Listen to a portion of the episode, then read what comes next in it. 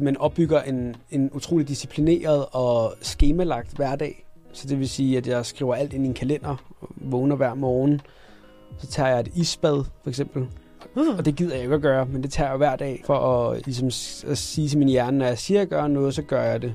Ja. Fordi så begynder jeg at træne min hjerne til at kunne øh, fokusere på opgaver, fordi jeg er vant til at sige, "Nå, nu, nu, nu, laver jeg den her, nu læser jeg den her bog en halv time, for eksempel.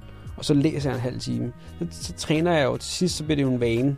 Er der andre værktøjer, som øh, I har lyst til at dele? altså træning. Da jeg var under udredning, men øh, hvis jeg ikke havde fået stillet diagnosen nu, og ikke var kommet på medicin nu, så øh, begyndte jeg at fokusere meget på træning i et forsøg på at skabe noget struktur og ligesom opretholde et energiniveau, fordi når du går der og føler, at du er dummere end alle dine klassekammerater og har følt det de sidste fire måneder, så går man jo ned i nok, hvad der egentlig er øh, en, en depression. Øhm, og, og, og der er jo så for eksempel at holde sig fysisk aktiv kan være et rigtig godt redskab.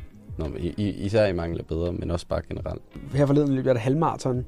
Øh, det er ikke for at få, få applaus. Men, Jo, men, det så kan vi godt lige anerkende. men, Det er... men, men, men, mere det der med, hvor, altså, hvor rart det er at dyrke motion for, for en ADD og ADHD-hjerne. Al den energi, man kan føle, man har, den der, ufo, den rører ligesom helt ned, fordi man, man bruger energien på noget på at løfte tungt, eller på boksning øh, eller noget.